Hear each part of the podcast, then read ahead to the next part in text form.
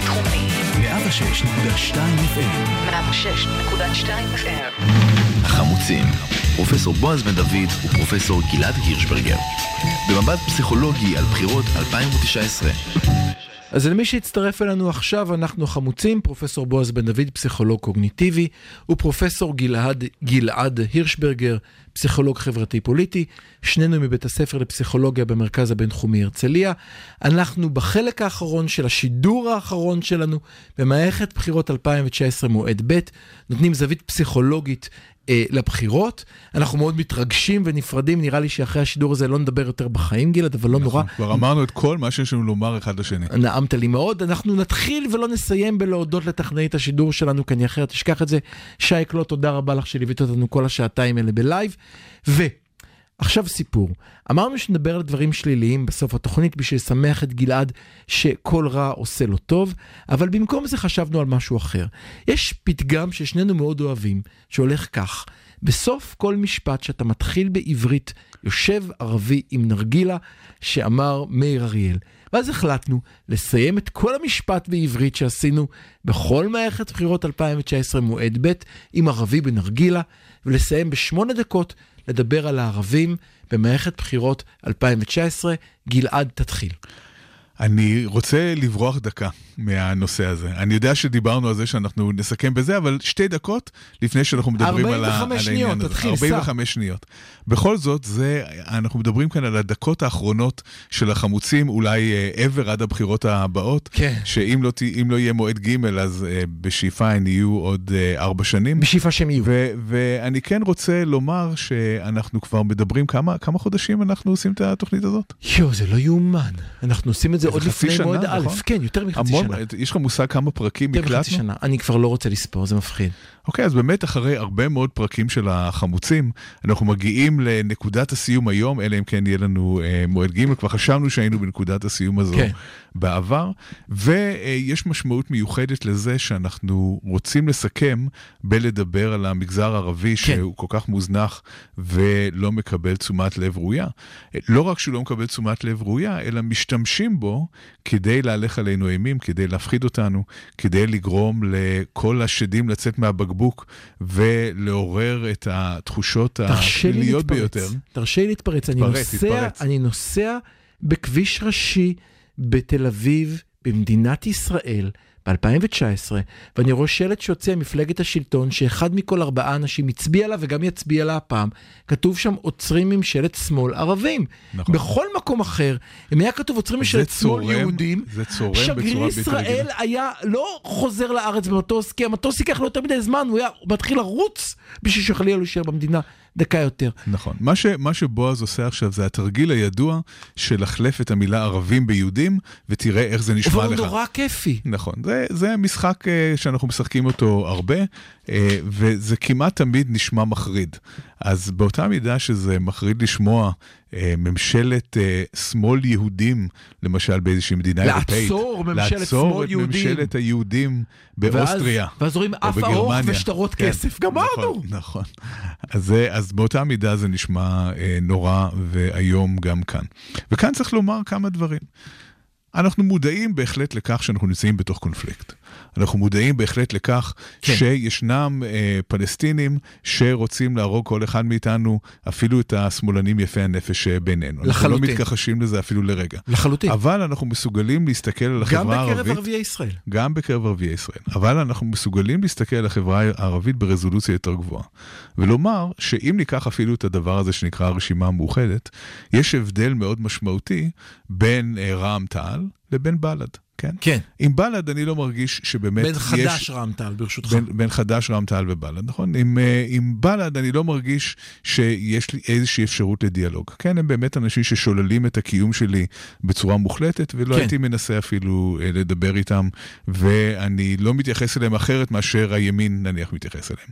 אבל בתוך החברה הישראלית, הערבית-ישראלית, ישנם אה, ציבורים רבים נכון. שמאוד מעוניינים בשיתוף, שמאוד מעוניינים בחיים משותפים. נכון. שלא מעניין אותם לפתור את הסכסוך הישראלי-פלסטיני, והם אומרים את זה כל הזמן. הם אומרים, מה שמעניין אותנו זה להשתלב בחברה היהודית-ישראלית.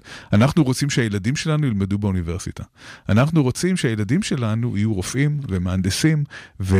אנחנו רוצים- ובהייטק. סליחה, אני לוקח את מה שאמרת קודם. אנחנו רוצים שלחלום בשביל הילדים שלנו את מה שאתם חולמים בשביל הילדים שלכם. נכון, נכון. הם רוצים חיים uh, טובים יותר.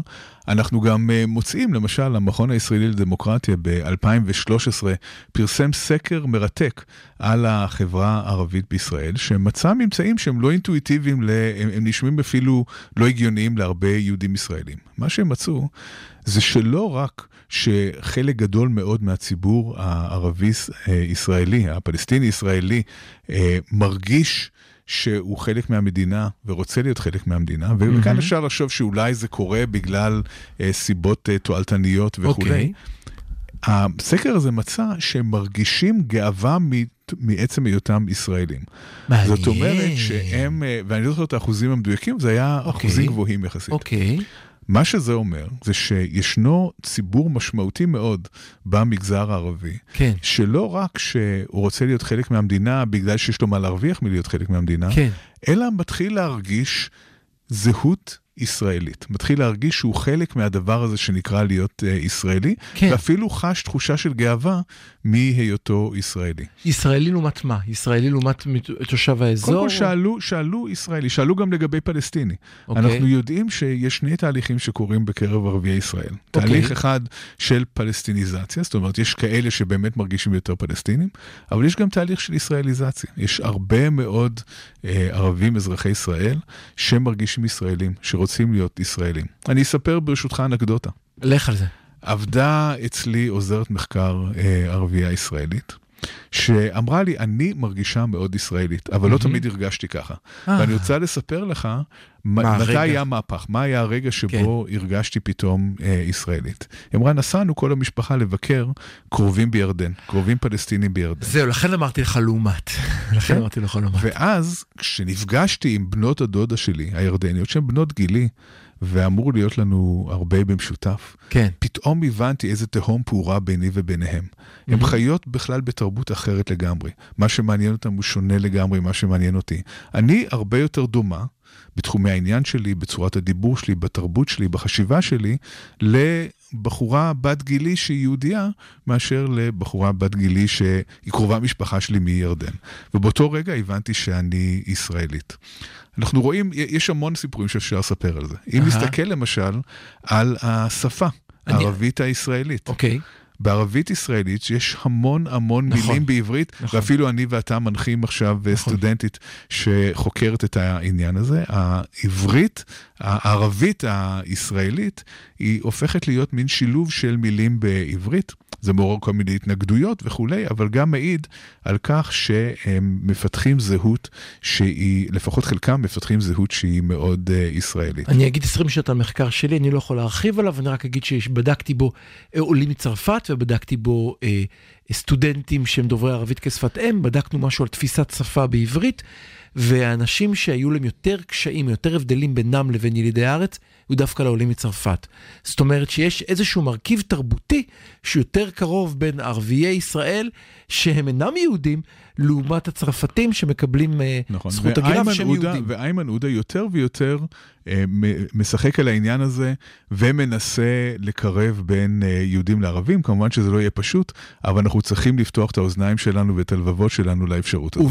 וכשהוא פה נתן את החמש אה, נקודות שלו, שהוא תלה אותם, אה, דפק אותם אה, במסמר על הדלת, אם אתה זוכר, ארבע מהם היו קשורות לערביי ישראל.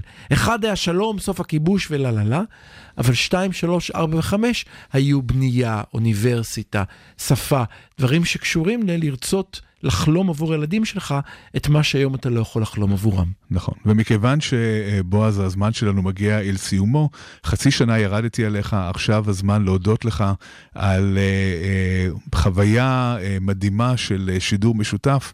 אני מקווה שבבחירות של אה, 2023 אנחנו ניפגש שוב, עד אז אני לא רוצה לשמוע ממך.